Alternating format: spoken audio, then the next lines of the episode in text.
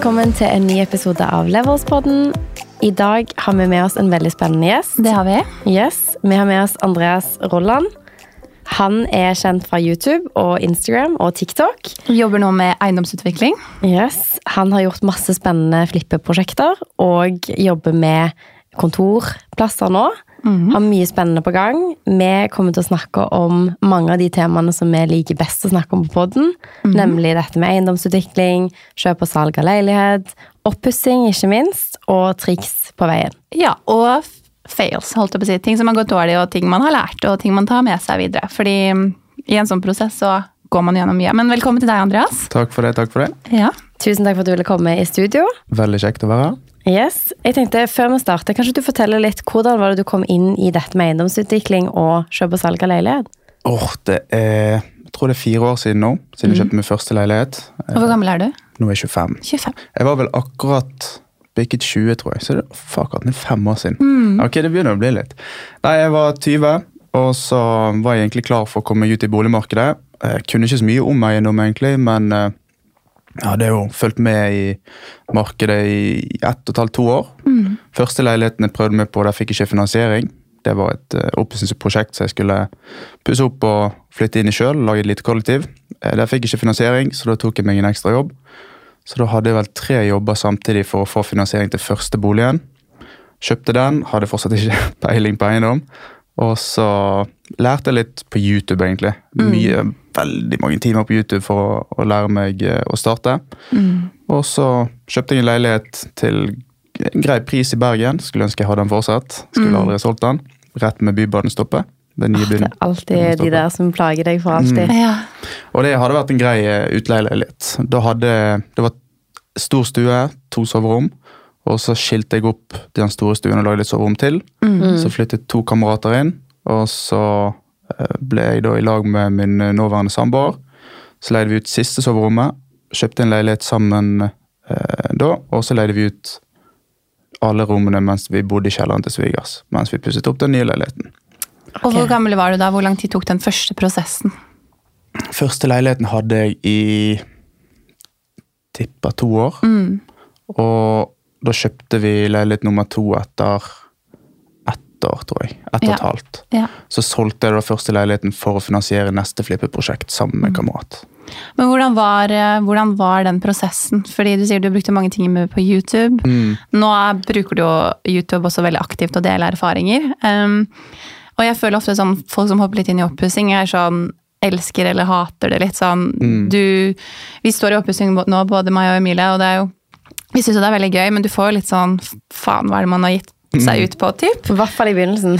Fordi man ikke kan ting, og så lærer man ting. Hva var liksom dine erfaringer fra første, første leilighet? Det er bare å prøve seg frem, rett og slett. Hvis du feiler, så får du bare prøve å gjøre det på nytt. Jeg hadde noen kompiser som hjalp meg, som var tømrer, elektriker og, og sånne ting. Ja. Så de kom inn og hjalp meg gratis. Setter sinnssykt stor pris på det. Og så er det det at det tar lang tid. Jeg lagde et soverom til, skulle ha en kompis til å flytte inn der.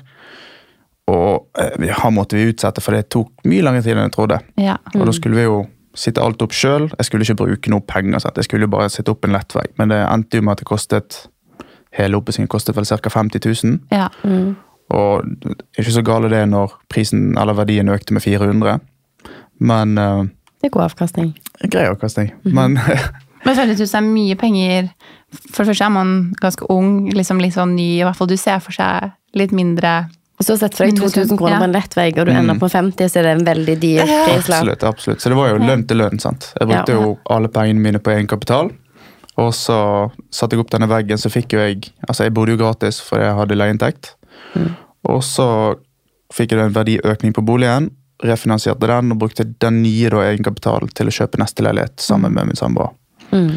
Og så var vi på null igjen, så da, vi, da bodde vi heldigvis gratis hos svigers. Hadde leieinntekter på første, og så jobbet vi 110 begge to for å pusse opp nummer to. Hva jobbet, jobbet du som da? Fordi Emilie her, hun er jo veldig fan av sidejobber. Og det var sånn, én ting for å eh, øke kapitalet få ting, er å få sidejobber. Jeg tror Emilie nevner det i hver episode. Få deg en sidejobb hvis du kan. Ja, Og du er hadde tre. dumt. Jeg hadde tre. Jeg jobbet eh, 60% i barnehage. Og så jobbet jeg som vekter eh, på kveldene og i helgene. Og så jobbet jeg som servitør utenom det. Ja. Så jeg hadde noen dager der jeg først var på jobb åtte timer i barnehagen. Så hadde jeg en god del timer på et kjøpesenter, rett nedenfor barnehagen heldigvis. Og så var jeg servitør eller bartender på kvelden. Så, var puster du opp når du kommer hjem for det? eh, ja, det var rett før, jeg, eh, rett før vi kjøpte, da. Ja. Så, men mens vi pustet opp, så var jeg eh, vekk for det meste. Jeg tok jeg vet ikke hvor mange timer jeg hadde. Litt for mange timer i måneden. Ja. Så da var det helgene og, og seint på kvelden. Så hadde vi en nabo som ikke var så fan av at vi pusset opp, for det bråkte sånn. ja. Og lurte på hvorfor vi alltid pusset opp på kvelden, Men det var bare da vi hadde tid. sant? Ah, det kan jeg kjenne til, det der. Ja, det kjenner du deg veldig igjen i. Du ja, har jo, det er regler der jeg bor hvor at man bare kan pusse opp mellom, på mandag og fredag mellom 8 til 4. Fire? 8 til 4. det er ganske strengt. Og det er litt strengt, men altså, sånn, man kan jo søke og henge opp en nabovarsel. Men det er jo liksom, jeg, jeg kan jo skjønne det hvis man har eh, håndverkere og sånn som kommer inn, men jeg også gjør jo veldig mye selv. Og, eller får hjelp av eh, kompiser eller pappa, familie, venner. Og de kan jo ikke ta fri midt i arbeidsuka. Ikke jeg heller, for å pusse opp. Så nei, det- det er noe å ta i betraktning, i hvert fall hvis man skal pusse opp og investere i bygårder eller byer um, med naboer. Altså det tar på i begynnelsen. Jeg tror på en måte det å Når du skal én spare opp egenkapitalen, og du kanskje skal finansiere oppussingen i cash, så er det så altså det, Man må jobbe så vanvittig mye helt i begynnelsen. Fordi at du skal plutselig liksom finansiere kanskje 400 000-500 000 kroner i oppussing. Eh, og det er kanskje lønn til lønn, eller du låner opp på verdistigningen på leiligheten. Det krever veldig mye. Ja, det gjør det. Og så tar det lang tid. Vi hadde to inntekter, da, heldigvis. Lånte litt penger av svigers òg for å få pusset opp ferdig før vi flyttet inn. Og vi kjøpte vel i 31. januar, om jeg ikke husker feil. Flyttet inn på julaften. Oi. Så vi brukte 11, nesten elleve måneder. Men hva er det totalrenovering? Ja, da, da tok vi alt. Det er jo det er en leilighet på to etasjer. Eh, tre soverom, ett og et halvt bad. Vi rev veggen og åpnet kjøkkenet. Det var Jeg tror ikke det var noe mer vi kunne tatt. Vi tok jo ikke fasade eller eller noe sånt. Det var relativt nytt. Men uh, ting tar tid. Ja. Men da var dere to, for det var deg og kjæresten din? Ja, Og svigermor sto der like mye som oss. Ja. Så vi var to stykker. Egentlig ikke så mye erfaring innenfor oppussing da heller. Jeg hadde jo lagd denne lettveggen med spotkasse. Det var det egentlig. Så vi fikk jo fortsatt hjelp fra kamerater. Det verste tror jeg var å bære opp to 50-plater med gips fire etasjer. ja. Og så skal du ha jævlig mange av den. Det er hundrevis av plater og fliser og øh, alt av eh, ting. I hvert fall når du skal flislegge. Det er så mye tunge ting som skal bæres opp. Og gipsplater og bare Jeg kjenner meg veldig igjen, for vi pusser opp i fjerde etasje og flytter fra fjerde etasje. Så det er mye bæring. Men ok, Så dere bruker elleve måneder cirka, på å pusse opp denne leiligheten, og så flytter dere inn? Ja, så Hva vi inn. skjer da? Rett før vi flyttet inn, så fikk vi kjøkken fra Ikea. da. Det var en av de siste tingene vi fikk. Og så, mens disse karene bærte opp i trappen, så ser vi at eh, kjøkkenet er for langt for trappen. Så må vi sitte det ned inn i garasjen, og så må vi ha kranbil. Så vi måtte krane inn kjøkkenbenken eh, via terrassen. Så det var en kostnad vi ikke forventet. Mm. Og det er ganske dyrt òg. Ja, vi betalte, vi fikk en, en god pris, men det røk noen tusenlapper ekstra. det Sånn. Da vi flyttet inn, så var det ganske deilig. Da var det endelig slappe av. Jeg har ikke slappet av, Du vet jo hvordan, hvordan det er når du står midt i det. Så da flyttet vi inn på julaften, hadde begge familiene på besøk for første gang. Det var veldig koselig. Ja. Koseligste jul jeg har hatt noensinne. Ja. Og så var det, da var jeg klar for neste. Jeg klarer ikke å sitte i ro i det hele tatt. Men da hadde du fått kanskje litt mersmak også, da, på oppussing? Ja. Eller? Ja, da fikk vi verdivurderingen, og Ja. da fikk jeg medsmak. Ja. Det er som ofte sånn det går. For du, hadde du da tenkt i utgangspunktet at her skal vi bygge og bo? Ja, ja da, vi skulle ikke flippe den leiligheten. Nei. Den leiligheten endte vi med å selge nå for en måneds tid siden. Men kan vi ta, for nå, vi hoppet veldig rett inn i det. Jeg tror, Ja. Vi har jo snakket litt før vi begynte å spille inn, så vi vet jo litt mer hva vi hoppet inn i. Men du kjøpte den første leiligheten. Kan du gi oss liksom konkret hva kjøpte du for? Hva pustet du opp for? Hva solgte du for? Eh, Der gikk jeg på en liten smell faktisk når jeg skulle selge. Okay. For jeg eh, Åh, den var litt sur. Nei, jeg kjøpte den for Han lå ute for 2,5. Okay. Så hadde han lagt ute i 90 dager, tror jeg. Nesten 100 dager. Mm. Og da fikk jeg den for 2,1. ok. 400 000. Så du hadde 400 000 å gå på da, egentlig? Ja, i teorien. Hvor stor? Eh, åh, nei, 80 kvadrat cirka. Ja. Med oi. to soverom og stor stue. Det er ikke Oslo-priser. Det, det er ikke bergenspriser lenger heller. Nei, Så skjønner. i dag, hvis jeg ikke hadde solgt den, så tipper jeg jeg hadde fått kanskje 2,7, Ja. noe sånt. Så håper, ja, vi flyttet inn, meg og en kamerat, da hadde vi to soverom. Han eh, bodde med meg og hjalp meg å pusse opp, og bodde der gratis mot at han hjalp meg å pusse opp. da. Så begynte vi å male litt og legge nytt gulv. Satte opp denne veggen, fikk inn en kompis. Og så fikk en ny verdi, verdivurdering. På, da fikk jeg en opp igjen på 2,5. Ok. Jækla fornøyd. Hva hadde du brukt da, selv om du gjorde mye sjøl? Cirka 50 000 okay. totalt. Det er Ja, jo det er ganske- det er veldig greit. Ja, og da satte vi opp denne veggen, satte opp en sportkasse. Så hadde jeg elektriker inne der. Elektriker inne for å bytte noen brytere, tror jeg, og en termostat. Eller så var det maling og liksom overflate. som Ja. jeg gjorde selv. Og da tenkte jeg ok, nå har vi mye penger å gå på her, så brukte jeg det til å kjøpe neste bolig. Og så begynte meg og en kamerat å se på noe sammen. Det var da når vi var ferdig å pusse opp bolig nummer to. Så det du har benytta deg av her, er jo at du får en ny vurdering på leiligheten, og da har du ledig pant i leiligheten, Mm. og så låner man seg opp, sånn at når du sier at du kjøpte en ny leilighet, så må du ha egenkapital for den. Mm. Istedenfor at du da går i sparebanken skulle du si, og tar ut penger, så låner du opp på verdien av leiligheten, og Ja. bruker det som pant for leilighet nummer to. Ja, Det er jo noe mange flipper gjør. Ja, det er genialt. Og så fikk jeg da legge leieinntekten opp på inntekten min, som gjorde at jeg kunne kjøpe en nummer to. Det er jo et veldig godt tips at Ja. når du leier ut leilighet, så kan eh, boliglånsforskriftene at man går utenom det som er vanlig inntekt, at man òg kan ta til grunn det du tjener på utleie, da. Mm. Og at det går inn på det du får lånt fra banken, så det hjelper jo mye. Veldig greit. Og da er det jo bare 22% skatt på det i tillegg. sant? Så det, det kommer inn mer enn eh, hvis det skulle vært lønning. Absolutt. Så det var veldig greit. Da fikk jeg brukt den kapitalen for å kjøpe neste, og så gikk vi da måned til måned for å kjøpe, nei, for å pusse opp denne leilighet nummer to. Og hvor stor var den, og hva kjøpte du den for? Den kjøpte vi for 1,8, Ok, og det er vel bruksareal på 97 kvadratmeter, tror jeg. Oi. Det Er dette i det er Bergen sentrum? Eh, nei, det er i Olsvik. Ligger ca. ni minutter å kjøre fra Bergen sentrum. Du får kjent nære byen, da. Ja da, ja da. Det går buss, og er, det er litt langt å gå, kanskje. Men Mm. eh, du kan kjøre inn på ti minutter. Ja. Hva var markedsprisen for den cirka, som du betalte 1,8, men hva var den egentlig sånn, hva tenkte du sånn umiddelbart når du så den, at sånn, Men når vi så den, så var det, det er jo oppussingsobjekt, men det var Mm. ikke annonsert som oppussingsobjekt.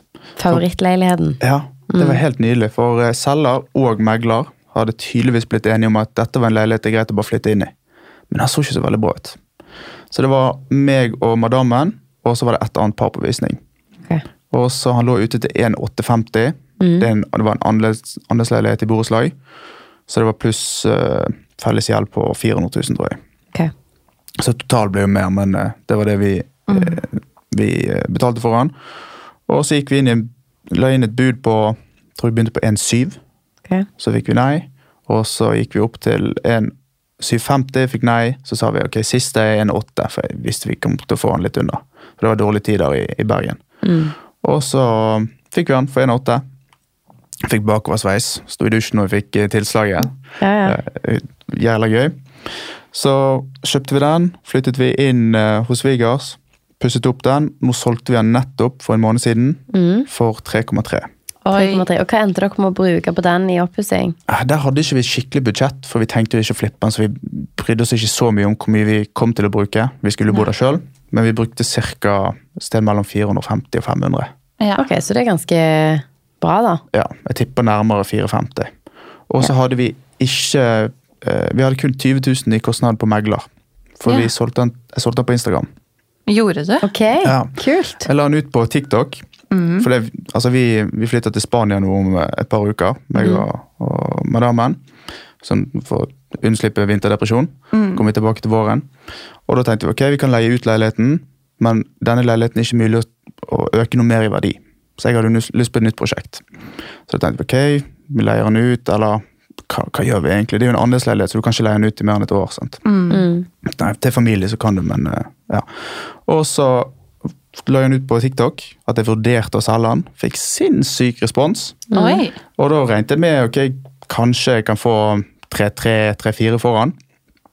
Og så folk, jeg fikk haugevis innboksen var full av folk som ville kjøpe den. Så da sa jeg ok, vi ønsker et sted mellom 3-3 og 3-5. Og så var det en kompis som sendte melding. Han bare 'Jeg er interessert'. Jeg bare ok.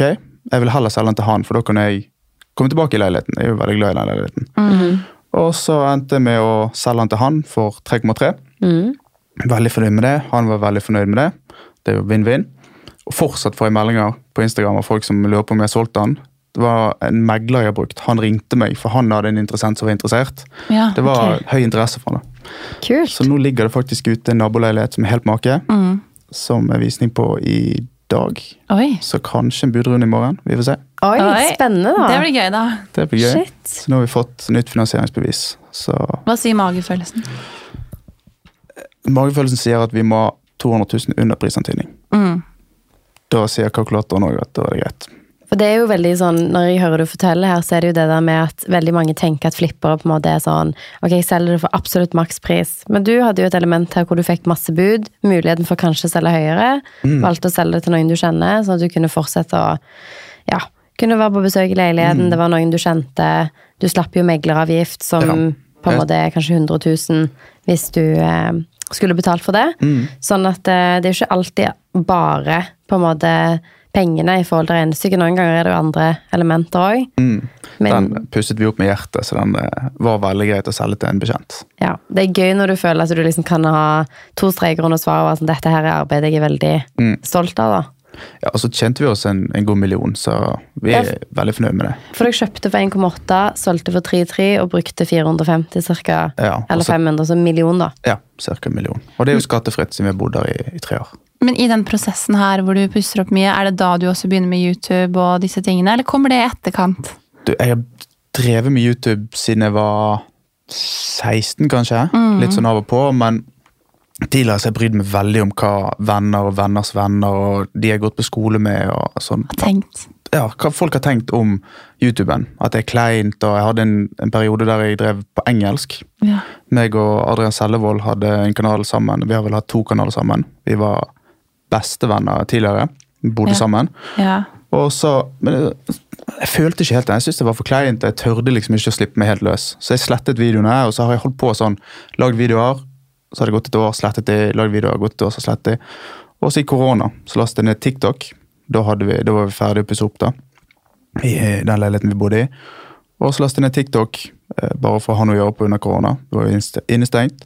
Så begynte jeg å lage noe content, og så tenkte jeg vet du hva, fuck it. Jeg driter i hva folk tenker. Hvis de har lyst til å følge med, så får de følge med. Hvis ikke, så får de bare ikke følge med. Det er Ja. ikke verre enn det. Og så begynte jeg å lage litt videoer om eiendom der. Interessen var stor. Fikk fort eh, en del følgere, mer enn hva jeg hadde hatt tidligere. Og så begynte jeg da med eiendom på YouTube også. Mm. Så da begynte jeg bare med tidligere prosjekter, hva jeg feilet på på første, første leiligheten. Det glemte jeg jo å nevne at eh, når vi skulle selge da, første leiligheten, jeg hopper tilbake til den, Ja, Ja, ja. så, så hadde jeg fått pris på, eller vurdering på 2,5. Mm. La vi den ut til 2,490, tror jeg. Og så fikk jeg ingen bud etter første visning. Så hadde vi en visning til. Fikk jeg bud på 2,350, som jeg takket nei til. Endte opp med å selge den for 2,2. Sånn er det av og til. Den var sur. Eh, Da hadde jeg neste ett og et halvt år med leieinntekter, så jeg, i teorien så tjente jeg penger på leiligheten. Du brukte bare 50 000 på å pusse den opp òg. Ja, også, Men så gikk det jo 100 i megler, sant. Så totalt sett så tjente jeg sikkert bare en 50 000-100 000 på hele prosjektet. ja. Det er viktig å liksom De lærepengene der tror jeg sitter veldig i deg. Mm. Sånn eh, du på en måte Marginene du regner på et prosjekt, må, det må være ganske gode. På en måte veier både opp og ned, egentlig, fordi at du vet aldri når det kommer. Plutselig så får du ikke solgt. Plutselig er det 300 000 mindre enn det du hadde planlagt å selge for, og da må du ha plass til at sånne ting kan skje, da. Ja, absolutt. Så det er ikke, det er ikke hver gang det går, det går veien, men dette var jo et prosjekt som jeg heller egentlig ikke skulle flippe. Jeg skulle ikke selge det, jeg skulle bare ha det og skulle leie det ut, og så kjøpe neste. Men så av at jeg fikk solgt denne, da, så fikk jo jeg frigjort kapital og hadde litt mer kunnskap til neste, som igjen gikk mye bedre. Og neste der igjen. Det er akkurat det samme. Sånn, eh, jeg har heller egentlig aldri hatt intensjon om å selge eller flippe noen av leilighetene jeg har kjøpt. Alltid har det vært sånn drømmeleilighet. Her legger jeg sjela mi inn i å pusse det opp. Det skal bli så fint som bare det. Og så plutselig kommer det et annet prosjekt, så er det sånn åh, jeg har ikke mulighet til å eie alle på en gang. Så da selger man og kjøper noe nytt, og så er det der du skal bo for alltid. Og så ender det opp med at det kommer noe annet. Ja, Men akkurat det der snakket jeg litt eh, med økonomiamatøren òg, den podkasten her. Snakket med dem om det, og eh, oss som flipper, da, og i hvert fall oss som er aktive i sosiale medier, så er det jo viktig å lage en, eh, et brand som er sterkt, og som, som folk kan stole på. De vet at du pusser opp, du pusser opp skikkelig, og hvis du legger ut et objekt, så har folk lyst til å kjøpe det, for de vet at de ikke kjøper katter i sekken. For det er veldig mange flippere som kommer inn, så legger de gips ut på gips, legger et nytt gulv, maler litt, og så faller det sammen, og det er fukt, og det er, et, ja, det er ikke noe bra leilighet å flytte inn i. Nei. Tyner det mest mulig, det ser veldig bra ut, men så flytter du inn, og så har du egentlig kjøpt den største katten du finner. Jeg har ikke det i meg. Jeg Nei. blir liksom sånn, Uavhengig av at jeg vet at vi skal bo der eller ikke. Sånn, nå begynner vi jo på en måte å få finansieringsbevis for å kjøpe noe som vi kan selge igjen. Men jeg er sånn, jeg, jeg klarer liksom ikke å lage noe som jeg ikke på en måte kan si at ok, dette her er noe som jeg kunne bodd i sjøl. Jeg liker materialene, det er høy kvalitet, det er gjennomført. Det er et godt design. At akkurat det er, på flippesiden så er det veldig mange som smeller opp noen lettvegger, isolerer ikke skikkelig, plastikkgulv Altså sånn virkelig ikke et bra resultat. Ser kanskje fint ut når du tar bilder til Finn, men ikke et godt produkt. Mm. Og Det da er mange av de. Det er mange Ja. av de, så det er viktig å på en måte ha, i hvert fall oss som deler det, da. At man liksom kan faktisk vise at det ligger mye bak dette. Mm. Ja, Dere setter jo navnet deres på det. holdt jeg på å si. Hvis jeg hadde kjøpt din leilighet, og du fronter det ene og det andre, så ja, jeg vet ikke. Man Ja. føler vel en form for eierskap, eller sånn at man kan være stolt da, ved det man leverer. Får Også- noen sinte idé, men etterpå bare Det var bare drit. Så kan du også se, for oss som filmer og dokumenterer underveis, så kan du se hva som faktisk er bak veggene. Og hvor god kvaliteten er hele veien. Det er ikke bare et lag, det er ikke bare et sminket lik vi ser da. Det er veldig sant. Men det Man- tror, jeg, det tror jeg folk setter veldig pris på. hvert fall sånn, Nå har jeg begynt eh, ganske ny, nytt i oppussing nå, men faktisk å se hvor mye jobb som går bak. hvor mye sånn, Dere legger jo virkelig sjela i det når man på en måte river opp alt, møter på ting. Jeg tror også det er sunt for folk som ikke kjenner så mye til det, og leser overskrifter i avisa eh, om bolighaier eller folk som spiser markedet med å kjøpe flippobjekter, men at man faktisk forstår litt hva det går i. da. Det tror jeg folk ikke skjønner, men det viser jo begge dere to veldig fint på deres Instagram-kontoer. Altså, jeg har solgt um, De gangene jeg har solgt, så har jeg solgt til noen som har fulgt med prosessen. Um, og da vet jeg jo at de vet på en måte det arbeidet som har ligget bak det produktet som de ser, da. Og har jo allerede leiligheten som er ferdigstille i helgen, den er det liksom allerede et par bud på på Instagram. Og da er jeg litt sånn Jeg har ikke tenkt å selge denne leiligheten, men man vet jo aldri hvis det blir en bra nok pris. Men det viser jo bare at når du deler prosessen, når du deler liksom baksiden og alle altså, timene som ligger inni det, eh, materialene man velger å bruke, at det skaper en interesse, da. Mm. Det var litt gøy. Vi har jo solgt en leilighet på Møllpris òg. Så vi, den gikk vi inn for å flippe. da. Det var den leilighet nummer tre. Nei, nummer fire ble det. Ja. Og Der gikk meg og en kompis inn sammen, kjøpte den for 1,8. Og så rev vi ned absolutt alt. Eh, heldigvis så hadde vi en, dette var i første etasje da, så hadde vi en bod under i kjelleren. Så der kunne vi sitte ned varmtvannstanken og trekke rør imellom boden og leiligheten. Så da frigjorde vi en kvadratmeter til i leiligheten. Den var kun på 50 kvadratmeter. Og der valgte vi å he, Under hele oppussingen så la vi ut stories hver eneste dag vi var der. Og så fikk følgerne være med å bestemme farger og fliser. Ja. og Ja, så gøy. Det tror jeg jeg ting. har vært med og stemt på. Ja, det er vanvittig gøy. Og det som er litt kult der, ja, vi flyttet jo et kjøkken ut i stuen, fikk et soverom til. Jeg tenkte ok, denne kanskje vi kan klare å selge den for 3 millioner. Hva kjøpte dere denne for? Den kjøpte vi for 1,8. 1,8, Den, den var 50 kvadrat Ja. midt i Bergen sentrum. Eh, rett utenfor Bergen sentrum. okay. På Møhlpris. Det er, Ja, Der er det veldig fint. ja, det er veldig fint. Litt som Grünerløkka her. Ja. kan, Ja. kan du si. Og var veldig fornøyd med prisen der. Eh, Det var ikke noe spørsmål om eh, var ikke, Vi var ikke vanskelig å be, for å si det sånn. Nei. til den prisen. Så kjøpte vi det, rev det ned, pusset opp sammen med følgerne. La det ut på Finn. Husker ikke helt hva vi la det ut for. Jeg tror det var 290. Vi håpte i hvert fall på 3 millioner. Og så går det et par dager, så plutselig får jeg Altså, det var sinnssyk respons. Det var Oi. Meglere har aldri hatt så mange på visning, og det var sinnssyk respons. Så tenker vi ok, kanskje vi faktisk får mer enn 3 millioner. Og så fikk jeg en telefon fra en på Sørlandet som hadde lyst til å kjøpe den, lyst til å kuppe den. Og han ba ja, jeg kan gi 3,4. Så tenkte jeg bare, vet du hva, med den responsen Nei. Nei takk. Det er riktig måte å håndtere det på, for da vet du at noen andre er villige til å gjøre mer. Ja, Men så ringte jeg til megleren og så sa jeg nå har vi fått bud på, på 3,4. Jeg takket nei. Så spurte han om jeg var sinnssyk. Ja, men det er alltid bra respons. Og så sa jeg bare ja, ok, ja, jeg tenkte litt. Og så ringte jeg opp igjen til han karen så sa jeg, etter jeg hadde avtalt med han jeg flippet med, da, om at får vi 3,5, så selger vi han. Da har vi tjent oss en million. Mm. Og Til sammen. Ja, til sammen. 500 hver. Mm. Og så ringte jeg opp, så sa du kan få den for 3,5. Så ble vi enige om 3,450. Okay. Og så klarte megleren da å få den opp igjen til 3,5 mot at han overtok en måned etter. Så vi landet på 3,5 da. Og det var litt, det var litt leit å ikke ha den budrunden. I hvert fall når det var så stor um, Ja. interesse. Men jeg er ikke sikker på om vi hadde fått 3,5 i budrunde. Nei. Det er alltid, liksom, det er alltid en sånn gamble, men jeg, min filosofi er alltid at hvis det er noen som velger å gjøre det før visning, så er det Jeg kan banne på at de er med i budrunden uansett. Ja. Men du vet aldri om det er noen andre som er, Nei, det er det. like ivrige mot. Så det kan jo at den personen hadde vunnet, men på mindre. Ja, det var det jeg var redd for. At han da eksempel hadde stått alene på 3,3.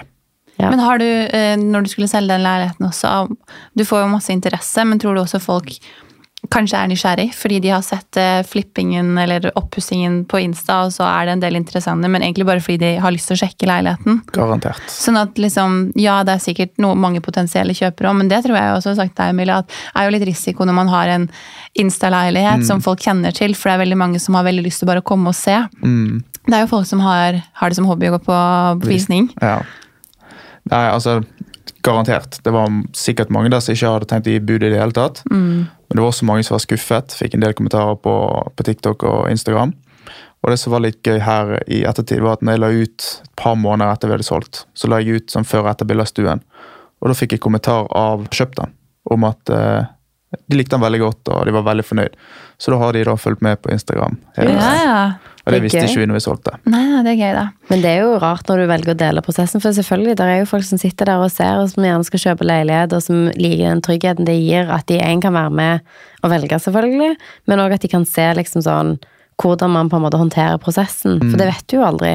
Nei, det er helt sant. Men ok, nå hoppet vi til leilighet fire. Der er en Ja, vi er har imellom en der. imellom der. Vi kan jo gå på den. Eh, Vi, eh, jeg hadde jo lyst til å på et nytt prosjekt når vi hadde flyttet inn i, i leilighet to. Mhm. Og så hadde jeg da makset ut lånet. Jeg hadde ikke sjans. Jeg hadde sikkert ikke fått en hundrelapp til i lån. Selv om vi hadde økt verdien, så var jeg makset ut på min inntekt og leieinntekt og alt. Så da når meg og han Ivar, som jeg har flippet med eh, Han hadde ingen erfaring innenfor eiendom, men han er en tallknuser. Han er vanvittig smart og vanvittig flink på økonomi og holde orden i ting. Jeg er veldig impulsiv. Jeg klarer som sagt ikke å sitte i ro og hopper, hopper inn i nye prosjekter ganske fort. Mens han gjør en bedre analyse da, og er flink til å holde meg litt tilbake igjen, og så møtes vi på midten og gjør det bra sammen. Og så vi gikk på Finn, så fant vi en leilighet som hadde ligget ute lenge. Snakket med megler, snakket med selger, og hun var litt sånn Det var en dødsbo. Hun var arving. Det var ikke så viktig om det ble solgt nå eller om en måned, fikk vi inntrykk av. Og da, Det var rett etter jeg hadde solgt leilighet nummer én for å frigjøre kapital til at vi skulle kjøpe noe sammen. da. Så da fikk jo vi eh, plutselig mulighet til å kjøpe noe sammen. Og så bydde vi under en del under prisantydning, og etter en uke med forhandlinger så kom vi frem til en ok pris. Nå husker jeg ikke helt hva vi kjøpte den for, men uh, det var ikke så gale. Jeg, jeg husker ikke hva vi kjøpte den for. Jeg husker hva vi tjente. Mm. husker, Hva solgte dere den for da? solgte den for 2,4. To-fire, og hvis du husker hva du tjente, så kan vi regne oss fram her. Vi tjente vel 200 000, Mm. og så brukte vi Der gjorde vi alt sjøl. Ok. Så vi brukte ikke så mye. Jeg tror vi brukte 3 eller 350 000. Så den eide du med, Med han, kompis, ja. kompisen din. Så du har hatt leilighet nummer fire var med en kompis, og nummer tre. Ja. Eh, og leilighet nummer to er med samboeren din. Ja, Og leilighet én var alene. ja stemmer. Så nå har vi kommet oss gjennom eh, alle leilighetene. Så da har vi, hvis vi skal oppsummere, da, så hadde du 100 000 på den første. Cirka 50 Ja, 000 50 100 000. Og så på leilighet nummer to så hadde du en million. Ja, den vi solgte nå. Den dere solgte nå. Og på leilighet tre så var det 200 000 cirka. Ja, delt på to. Del på to. Og leilighet nummer fire én million. million. Ja. Del på to. Det Det er er veldig bra, da. Ja, det, jeg er fornøyd med det så Ja. langt. Og det, så det er jo også noe, noe av det som er gøy med flipping, er jo at eh, hvis dette var inntekten din, at du hadde da til sammen tjent et par millioner da, de siste fire årene, så ville jo det vært en skattesats som tilsier 50% skatt. Ja, egentlig. Mens eiendom har 22. ja, En der- lavere Ja, Der du ikke bor sjøl, da. Og her har du jo på en måte da sluppet det fordi at man har bodd i prosjektene, i hvert fall på noen av de. Ja, De to vi gikk inn for å flippe, de har vi betalt skatt av. Mens de to andre har vi sluppet skatt på når vi har bodd. Det er en ganske bra erstatning mot eh, altså sånn, Jeg snakket med en venn om det. Da var liksom Hvis du ser her da i prosjekt fire for deg, kjenner en million, og 50% av det er din inntekt, det er jo en årslønn for mange. altså ja. Tjener du en million og betaler 50% skatt, så er det en hel årslønn for noen med veldig høy inntekt. Så kan du liksom egentlig bare si at ok, men nå vil jeg ta et år og bo der. Ja. Og så finner jeg ut av det etterpå. Absolutt. Og nå, eh, den siste Altså egentlig alle pengene vi har tjent, har jo gått videre i neste prosjekt. Og nå har stått alt inn. Alle pengene hadde, har tjent der nå. Bortsett fra sist, den leilighet to blir det. For den får vi pengene om eh, et par måneder. Alt det har gått inn i nye prosjekter. Så det er liksom Jeg har ikke kost meg for de pengene. Jeg har ikke sett de pengene. Nei. Men det er jo da å investere i videre prosjekter for å Du bygger jo egenkapitalen over tid. Ja. Men um, det har jo vært veldig ja, spennende å høre om de prosjektene. Hva er det du holder på med nå? Har du lyst til å fortelle litt? Fordi du gir deg vel ikke? Nei, jeg gir meg ikke. Um, nå har jeg en bygård som jeg holder på å utvikle. Kjøpte den for et par år siden med da kapitalet jeg har spart opp. Ja. Og så har jeg seksjonert opp. Det var en stor eh, familiebolig. Ja. To hus i Bergen, i Samviken heter det. Det er type Det er et veldig fint område, Det er veldig Veldig fint. Jeg er oppvokst to hus ved siden av. ja. Ah. Så gleder meg til vi skal flytte tilbake der til våren. Og ja, kjøpte den eh, for noen år siden. Har brukt mye tid og penger og energi nå på å få seksjonert opp. Det, var, det er to hus, så det var én stor bolig av en eller annen rar grunn. Det var sånn de gjorde det før. Så nå har vi revet alt. Har fått seksjonert opp i fire boliger, eller fire leiligheter, og en butikk i første etasje. Og så har jeg nå hentet inn eh, fagfolk som gjør alt. Så jeg står som prosjektleder. Jeg har ikke en total entreprenør. Og så står jeg da på, på sidelinjen og følger med og passer på at alle gjør som de skal. Og Det er et stort prosjekt, da. Det er veldig stort. Og nå, Det blir litt spennende å se. Nå flytter vi ut til Spania. Så da må jeg styre prosjektet derfra. Så skal jeg ha et par turer til Bergen bare for å ha oppfølgingen. Ja. Men hvordan føles det å stå litt på sidelinjen? For du har vært litt hands on, gjort Ja. veldig mye selv. Nå skal noen andre til pers. Jækla deilig. Ja. Fytti søren. så Det det er vel sånn du holder på òg. Du, du slipper å stå der og svette sjøl hele prosjektet. Eller Altså, vi snakket om det i går, fordi at jeg sa at hvis du skal på en måte kunne liksom sånn, faktisk se opp litt og planlegge for framtiden Det er klart at du kan slite deg sjøl 100% ut, gjøre ett prosjekt i året eller to, og så blir du dødssliten etter fem år. Eller du kan si at ok, nå må jeg finne ting hvor marginene er gode nok til at jeg kan ta ut alt av arbeidet, og så kan du fokusere på det du er god på. Prosjektering, altså prising, finn, finne nye objekter, prosjekter, investorer. Diversifisere det du har tjent på leilighet, på noe annet. Altså sånn, da kan du løfte blikket og gjøre at du gjør ti leiligheter i året, eller 15, eller altså sånn. Da har du den muligheten, men det har du ikke hvis du er nedi alt og alle detaljene hele tiden. Jeg er helt enig. Der, eh, på leilighet nummer tre, når vi sto der, det gjorde vi jo hele leiligheten sjøl. Og vi begynte å sparkle. Endte med at vi måtte hente inn noen etter en uke. Så ble det bare styggere enn når vi begynte med sparklingen. Så vi måtte hente inn noen der. Tapte en uke. Syv eller åtte dager med tull, rett og slett. Og på slutten så var det ganske demotiverende å jobbe der. For vi hadde allerede solgt. Det var det som var litt artig. Oh, ja. Før vi begynte å pusse opp, før vi fikk nøkler, så hadde megleren solgt det til noen andre som også ville ha leiligheten, men de ville ha den ferdig oppusset. Så vi hadde jo en garanti der. sant? Så vi visste at uh, vi fikk 2,4, og da skulle han se sånn og sånn ut. Det hadde vi avtalt. Og på slutten, når vi nærmet oss overtagelse, så Det var lange dager. Det var det. Jeg er ikke utdannet tømrer. og jeg, Den jobben var deilig å sitte vekk i andre prosjekter, rett og slett. Men det er jo erfaringen man gjør også, fordi tid er jo penger igjen, og du kunne brukt den tiden på noe annet, man. men det er jo det man lærer også. Ja, ja. Og det er veldig gull. Første, gjerne andre, kanskje til og med tredje prosjektet. Så vær mye med sjøl, for da vet du hva som må gjøres. Og du vet, hvis, no, hvis tømreren kommer til meg nå og forteller meg noe, en utfordring eller et eller annet vi må gjøre et valg på, så vet jeg hva som skal til.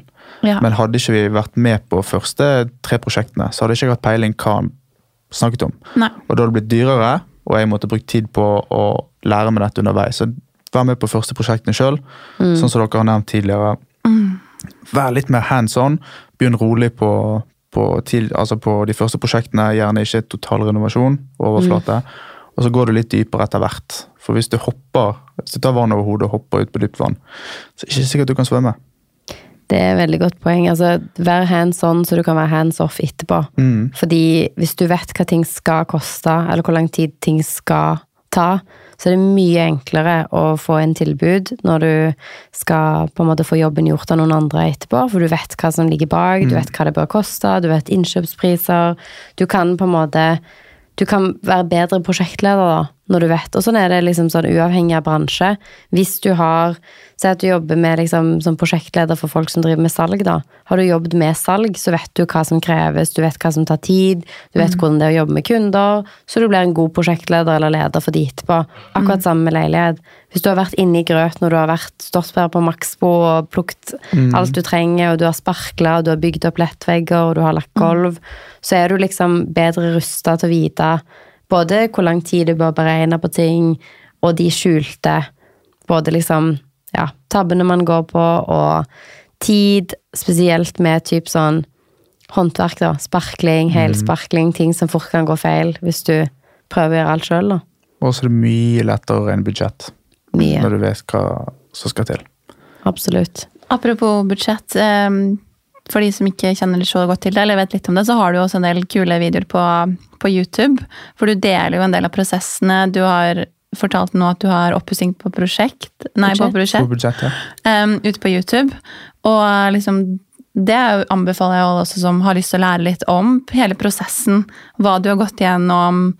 Litt sånn hacks. Uh, gå og sjekk ut der på YouTube. Og du sa selv at du var på TikTok også. Ja, TikTok, det var der jeg begynte å legge ut eiendomsting.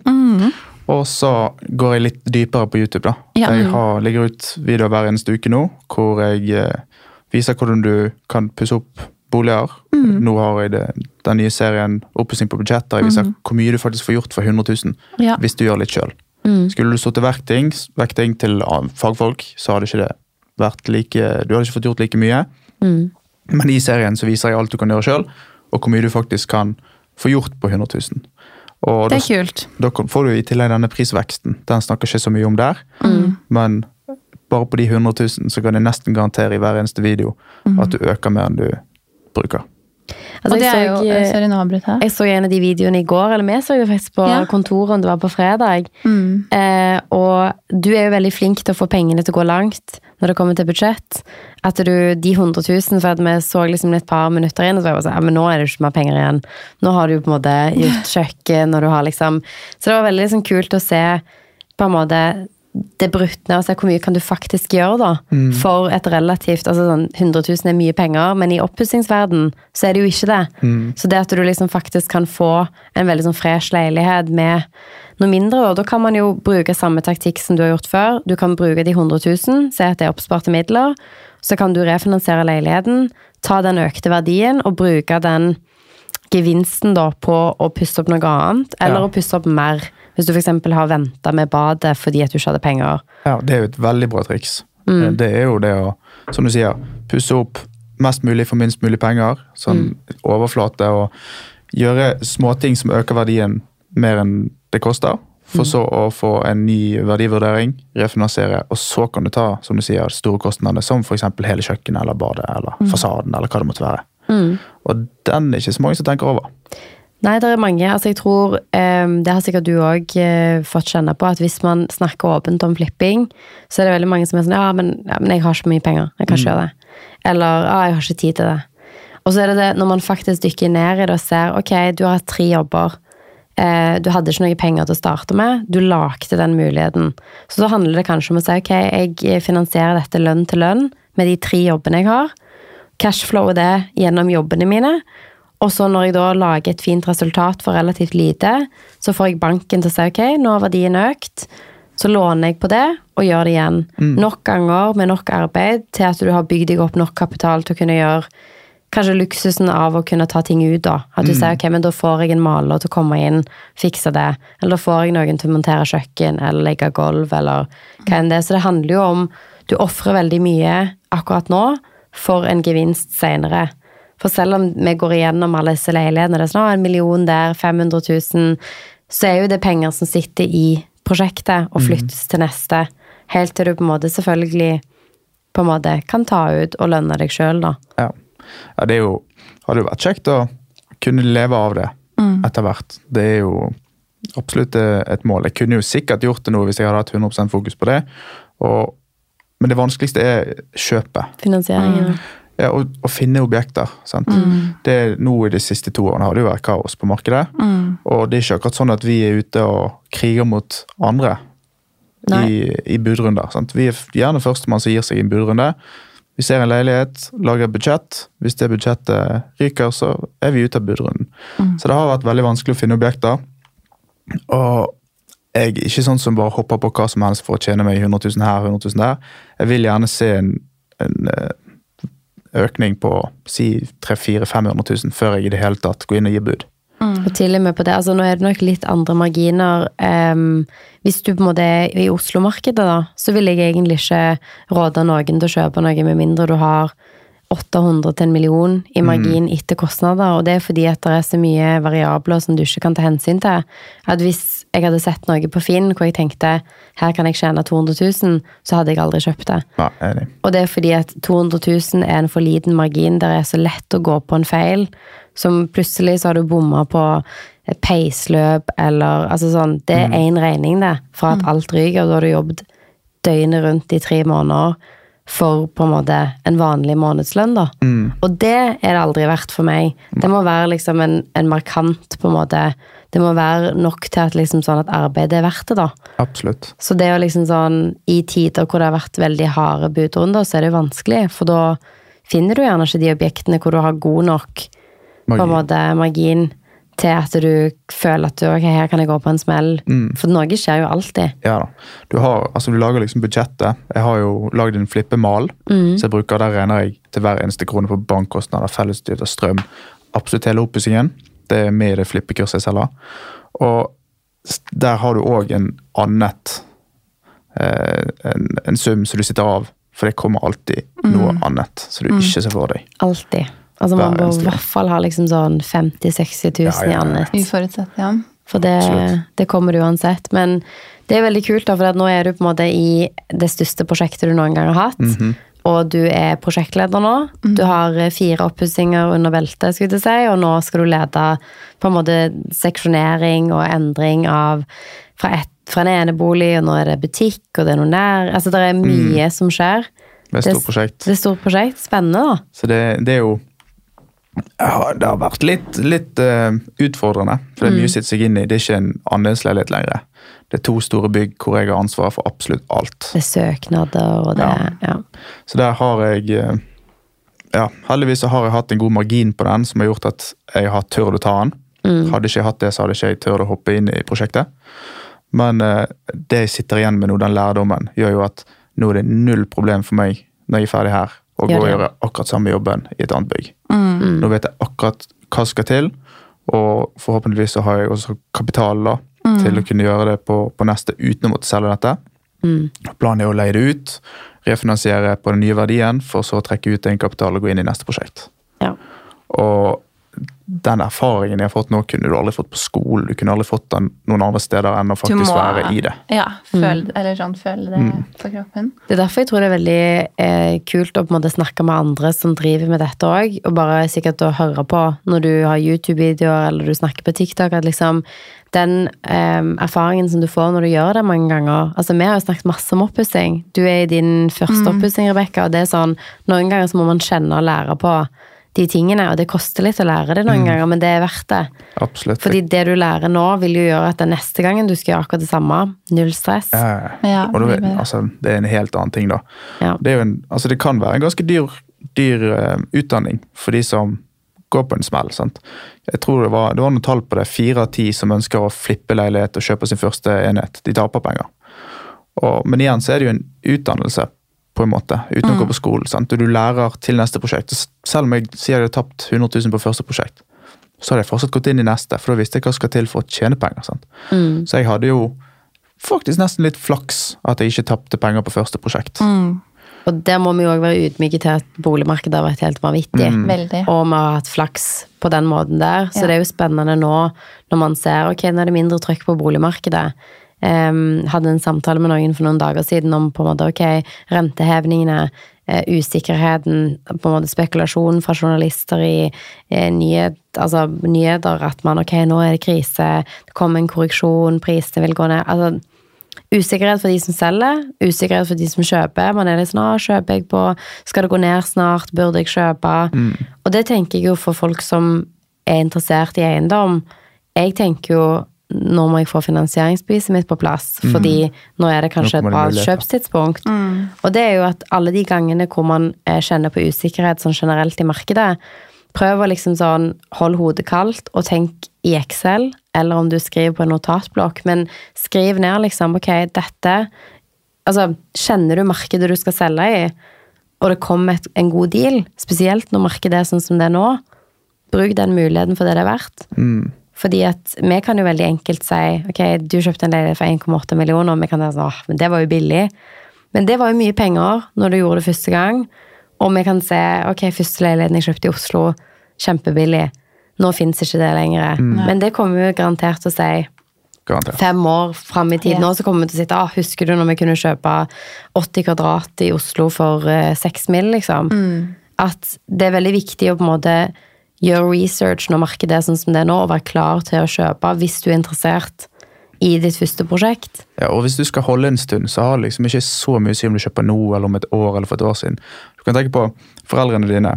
De sier gjerne at 'jeg kjøpte et hus på 60-tallet eller 70-tallet eller 80-tallet for den og den prisen'. Sinnssykt dyrt. Jeg har 20 ganger pengene mine siden det. Du hører aldri at din mor eller din far sier at 'Å, jeg skulle ønske jeg bare ventet en måned til, for da kunne jeg tjent eller da kunne jeg kjøpt den for 20 000 mindre'. Sånn, I det lange løp så har det jo veldig lite å si. Ja. Og et triks nå i disse tider er jo kanskje å ha et fokus på selveier for en andel. For dersom du pusser opp og ikke får solgt, så har du mulighet til å leie ut. Og vi kommer opp igjen. Om vi går ned nå, så er det ikke så mange nå før vi er på vei opp igjen. Det går alltid opp igjen, Ja. som man ser. Ja, i Norge har det Historisk sett. Ja. Eller du kan kjøre vår strategi. At man tenker ok, hvis du er noen som er interessert i å flippe, kjøp der du skal bo da, nå. At du, hvis du eier i dag, og du skal kjøpe noe nytt, finn noe som du kan pusse opp, og som du på en måte kan pusse opp mens du bor det andre stedet, så flytter du inn. Og hvis du ser at ok, nå har jeg bodd der i et år, jeg kan selge skattefritt, men markedet er nede, ok, da bor du lenger da. Eller hvis du er sånn, vet du hva, nå har markedet korrigert seg tilbake igjen, kjempegodt salg, selg og gjør det på nytt. Så har du liksom en vanvittig liksom sånn liten nedside, fordi du skal bo et sted uansett. Og worst case, hvis det selger, kan du leie det ut. Det jeg tenker på litt her òg, som jeg tror ikke mange er så klar over, er at det fører jo mer en del sånn følelse av risiko. At man hele tiden må skape seg disse erfaringene som vi deler nå, eller dere deler. Og at veldig mange som tenker at det er veldig lett å komme inn, får man en bolig og kan flippe, så er det lett å tjene penger. Men det er jo aldri noen garanti for det. Og det tror jeg er en, en sånn myte som folk kanskje tenker.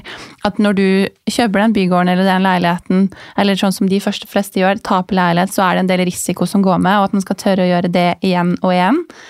Det, det tror jeg også er, man skal tenke litt på før man velger å gå inn i det.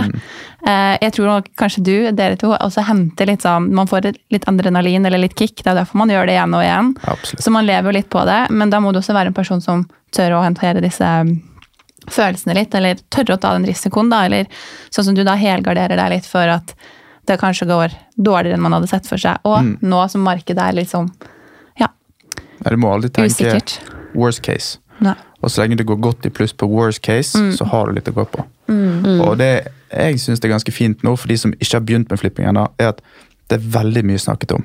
At Dere har denne fine podkasten her. Det er flere andre podkaster om eiendom. Eh, Det er jo derfor jeg holder på på YouTube, for å lære andre uten at de må gå på en smell sjøl. Og når vi startet for Når var det du startet? Fire år siden. Ja, så Cirka samtidig som meg. Da var det ingen som snakket om det. Flipping visste han Andreas Arnoff drev med det, men han forklarte ikke hvordan han gjorde det. Han visste bare at han fikk det til. sant? Og det å kunne lære om det nå uten å måtte gjøre det sjøl, det er en god det jeg skulle ønske jeg hadde når jeg begynte. Absolutt. Og det, det som er så kult, er at sånn Du kan helt sikkert sende melding til deg på Instagram og være sånn Hei, jeg fant denne på Finn. Hva ville du gjort? Jeg svarer på alle sånne meldinger. Jeg Ja, syns det er kjempegøy. Jeg prøver, jeg prøver. Jeg får så mange av de. Man får veldig mye, men så godt man kan, Ja, så ja. svarer man jo alle jeg har tatt kontakt med når det kommer til eiendom og flipping. Svarer på sånn 'Å, nei, jeg har, jeg har en bæreveggsfyr. Ta kontakt med han. Jeg har en flisefyr. Snakk med han.' At liksom sånn Hvis du spør, så får du veldig mye svar. Gitt at selvfølgelig man har mulighet til å svare. Eller eh, jeg har hatt folk som har ringt og spurt. Eller vi har fått folk som har endt opp med å bli kunder hos oss, som vi hjelper. Men at det er veldig mye én tilgjengelig informasjon, og to folk som gledelig svarer på spørsmål. Og det er jo en kjemperessurs, vil jeg si. Absolutt. Det blir som en mentor, da, på en måte. En lett mentor. Men hva er dine, hva er dine beste og liksom dårligste opplevelser eh, i prosessen som du holdt på med nå, med flipping og med eiendom? Hva er liksom Dine det som du syns Ja, liksom, Ja. hva er det du syns er gøy? Fordi er det å formidle eh, kunnskap og dele på YouTube, eller er det å få en gevinst? Er det å se resultatene? Hva er, hva er det som gir deg noe til at man fortsetter å gjøre det? Veldig kjekt å møte andre med samme interesse. Ja. Jeg, har- altså, jeg brenner for eiendom. Og nå har jeg begynt på skole igjen for å ta, ta et fag i eiendomsutvikling. Det er juridisk og økonomisk forvaltning og eiendomsutvikling. Og nå hadde jeg tre dager på skole forrige uke, og så tar jeg resten på nett. Og der møtte jeg òg mange andre som har akkurat samme interesse som meg. Så det syns jeg er vanvittig kult. Jeg kunne sittet her med dere og snakket i sikkert to uker i strekk. Vi har så mye å snakke om. Og selvfølgelig er det jo kjekt med penger, men det er ikke pengene som driver meg. Jeg, hvis jeg skulle tjent mye penger, så hadde jeg sikkert prøvd å få meg en høyt betalt jobb. For det har ikke noe risiko. sant? Her har du jo masse risiko på hvert eneste prosjekt. Jeg tror det der er så viktig å få fram, at eh, drivkraft selvfølgelig det er en faktor, eh, liksom, Penger er en faktor, men ikke nødvendigvis alt. Nei, Det er interessebasert, og så er det jo Ja. den friheten som Ja. kommer med det, Ja, som ja, ja. gjør at eh, eh, du kan snakke så mye man vil om at den dagen du får liksom utbetaling for et prosjekt. Ja, ok, det er fint, det, men det er jo på en måte den der prosessen. Du har mulighet til å være kreativ, du må tenke veldig liksom sånn Det er en veldig sånn kompleks prosess. Og så lærer du så sykt mye hver gang, mm. så kan du gjøre det igjen og igjen, og du kan ha bedre marginer hver gang. Ja, det blir bedre og bedre for hvert prosjekt. Det er dødsgøy. Og så er det den der, ok, når du da får den utbetalingen, sånn som du da, flytter til Spania. Nydelig, liksom. Du kan bare si, ok, snakkes Norge, nå er det kaldt, nå vil jeg gjøre dette, nå har jeg muligheten til å gjøre det. Det er jo egentlig det de fleste drømmer om å ha frihet og fleksibilitet til å kunne gjøre de tingene man har lyst til. da. Absolutt. Og det er jo det ene med videoproduksjonen jeg driver med. Så har jeg tatt et par turer nå i Nordsjøen og fått finansieringsbevis på den jobben der. Så det har hjulpet meg i banken. Det er lurt. Det, det var ja, rett og slett noen raske kroner og, og, og noe å vise til banken for å kunne kjøpe nytt prosjekt. Ja. Og da driver jo både meg og madammen, vi jobber i, i Morgendagens Media, begge to, eh, med videoproduksjon. Da har vi TikTok for eh, bedrifter og hjelper andre på privat og bedrift med å bli synlig på TikTok. Og rett og slett få exposure der, da. Så det har, vi gjort, det har gjort at hun kan ta med seg jobben ned der mens hun studerer på siden. Og det at jeg kan kombinere eiendom og videoproduksjon, er jo drømmen min. sant? Nå kan jeg faktisk tjene penger på å lære bort om eiendom, sånn at jeg kan gjøre det istedenfor å måtte gjøre en jobb jeg ikke har lyst til å gjøre. Så jeg kan fokusere på de tingene jeg liker, andre lærer det, og det er bare vinn-vinn hele veien. Det støttes. Det er bra. Det er veldig gøy. Ja, jeg liker å Jeg liker at det er, det, det er det, din approach. Det er litt det vi også gjør, at man må elske det man gjør. Og da tror jeg man gjør det bra også, og kan ja, få mer frihet, eller ja. Og så bygger du pensjon. sant? Absolutt. Jeg har brukt flipping for å generere kapital og kunnskap, og nå har jeg begynt å bygge en utløpsportefølje som skal være pensjonen min. rett og slett. Så nå Ja, altså Det er en, en god start med det, den bygården jeg har kjøpt. Så bygger jeg et eh, kontorlokale der til eh, sånn kontorfellesskap, så jeg kan sitte og jobbe der. Så skal vi, meg og madammen da leie den ene leiligheten i bygget eh, av selskapet, og så leier vi ut to kollektiv på toppen. Og der har jeg også hatt veldig stort fokus på store rom, gode kvaliteter, mye privatliv. For jeg ønsker, jeg ønsker ikke å få inn hvem som helst. Jeg ønsker å få inn gode leietakere som ønsker å bo der i, i flere år. Jeg hadde flere eh, tømrere inne på, på anbud som skulle pusse opp. Og alle fikk sjokk over hvor store soverommene var. Men De har gjerne jobbet for andre utbyggere som har mer fokus på å tyne hver eneste kvadratmeter. Og de lurte på hvorfor jeg ikke hadde dobbelt så mange soverom. Men jeg ønsker og nest, jeg kunne bo der sjøl. Hadde ikke jeg hatt, uh, hatt samboer nå, så hadde jeg sikkert bodd i kollektivet sjøl. Syns det er helt topp. Du har soverom som er større enn en liten leilighet i Oslo. Og du kunne jo faktisk hatt en hybel inn på hvert eneste soverom. Lage et bra miljø, ha det rent og fint, og gode kvaliteter som gjør at du ikke har lyst til å flytte ut. Det er veldig viktig. Veldig bra. Ok, Nå har vi vært gjennom mange prosjekter, mange en temaer. sykt kul reise. Ja, Du har eh, en veldig veldig spennende historie. Det blir veldig spennende å se hvor vi ser deg om et år, eller om fem. Det, det vet du kanskje ikke selv, men det, du skal gjøre mye gøy på veien, tror jeg. Jeg har ikke peiling hvor jeg er nå på fem. Jeg håper Nei. det er noe med det jeg driver med i dag. Ja. Jeg Det er det nok helt sikkert. Jeg synes alltid det spørsmålet er veldig vanskelig, fordi jeg klarer som regel bare å planlegge fem måneder fram i tid. Da klarer jeg å se, men sånn et år, helt umulig. Men eh, hvis vi skal eh, eh, summere opp litt her nå, hva, hva, hva er dine beste tips til alle som eh, vurderer å begynne med eiendom, eller flipping, oppussing kanskje? Eh, hva er dine beste, beste råd? Sitt deg inn i markedet. Ja. Lær deg hva ting går for. Lag deg et Excel-ark. Følg med på kvadratmeterpris i området. Så kan du se på Du kan gjerne se på et på oppussingsprosjekt, og så lagrer du søk, sånn at når det oppussingsobjektet kanskje kommer ut om et halvt år, så ser du hvordan prisen har endret seg. Og så er det jo også mulig å spørre hvor mye de brukte på oppussing. Snakk med alle meglerne i byen din. Gå på alle visningene som er interessante. Jeg har sikkert møtt alle meglere i Bergen. Jeg tuller ikke. Jeg har vært på sikkert 200-300 visninger. Er det sånn, der kommer han igjen, ja? Der var han, ja. Åh, faen. Neida, de fleste meglere kjenner meg igjen, og det er litt gøy. Ja. Står vi og prater litt og snakker om hva vi hadde gjort med leiligheten, og hvor mye du kan øke i verdi. og litt sånn forskjell. Og det første prosjektet, som dere har nevnt tidligere, tar gjerne kun overflater. Ikke gå for en total renovasjon der du må ut med 800 000 kroner og rive ned hele leiligheten. Kjøp gjerne leilighet først, ikke enebolig, for det er mindre fallgruver. Og gå gjerne på en andelsleilighet foran en selveier, for risikoen er mye mindre.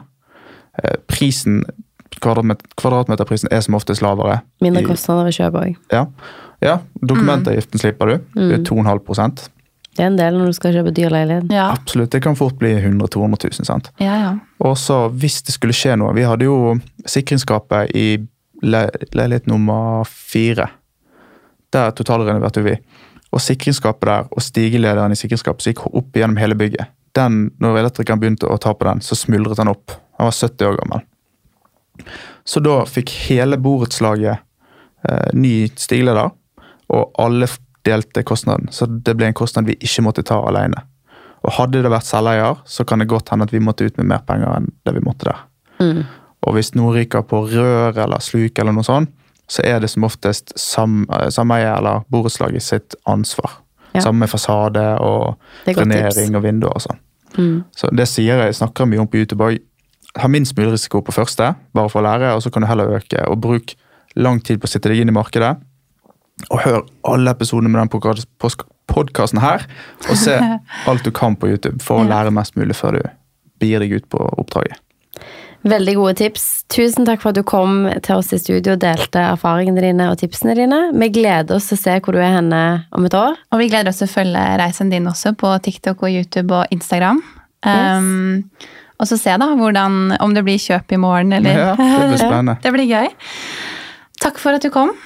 Jo, Yes. takk for meg. Ja, da snakkes vi neste uke med en ny episode fra Levelspodden. Det gjør vi. Ha det. Ha det.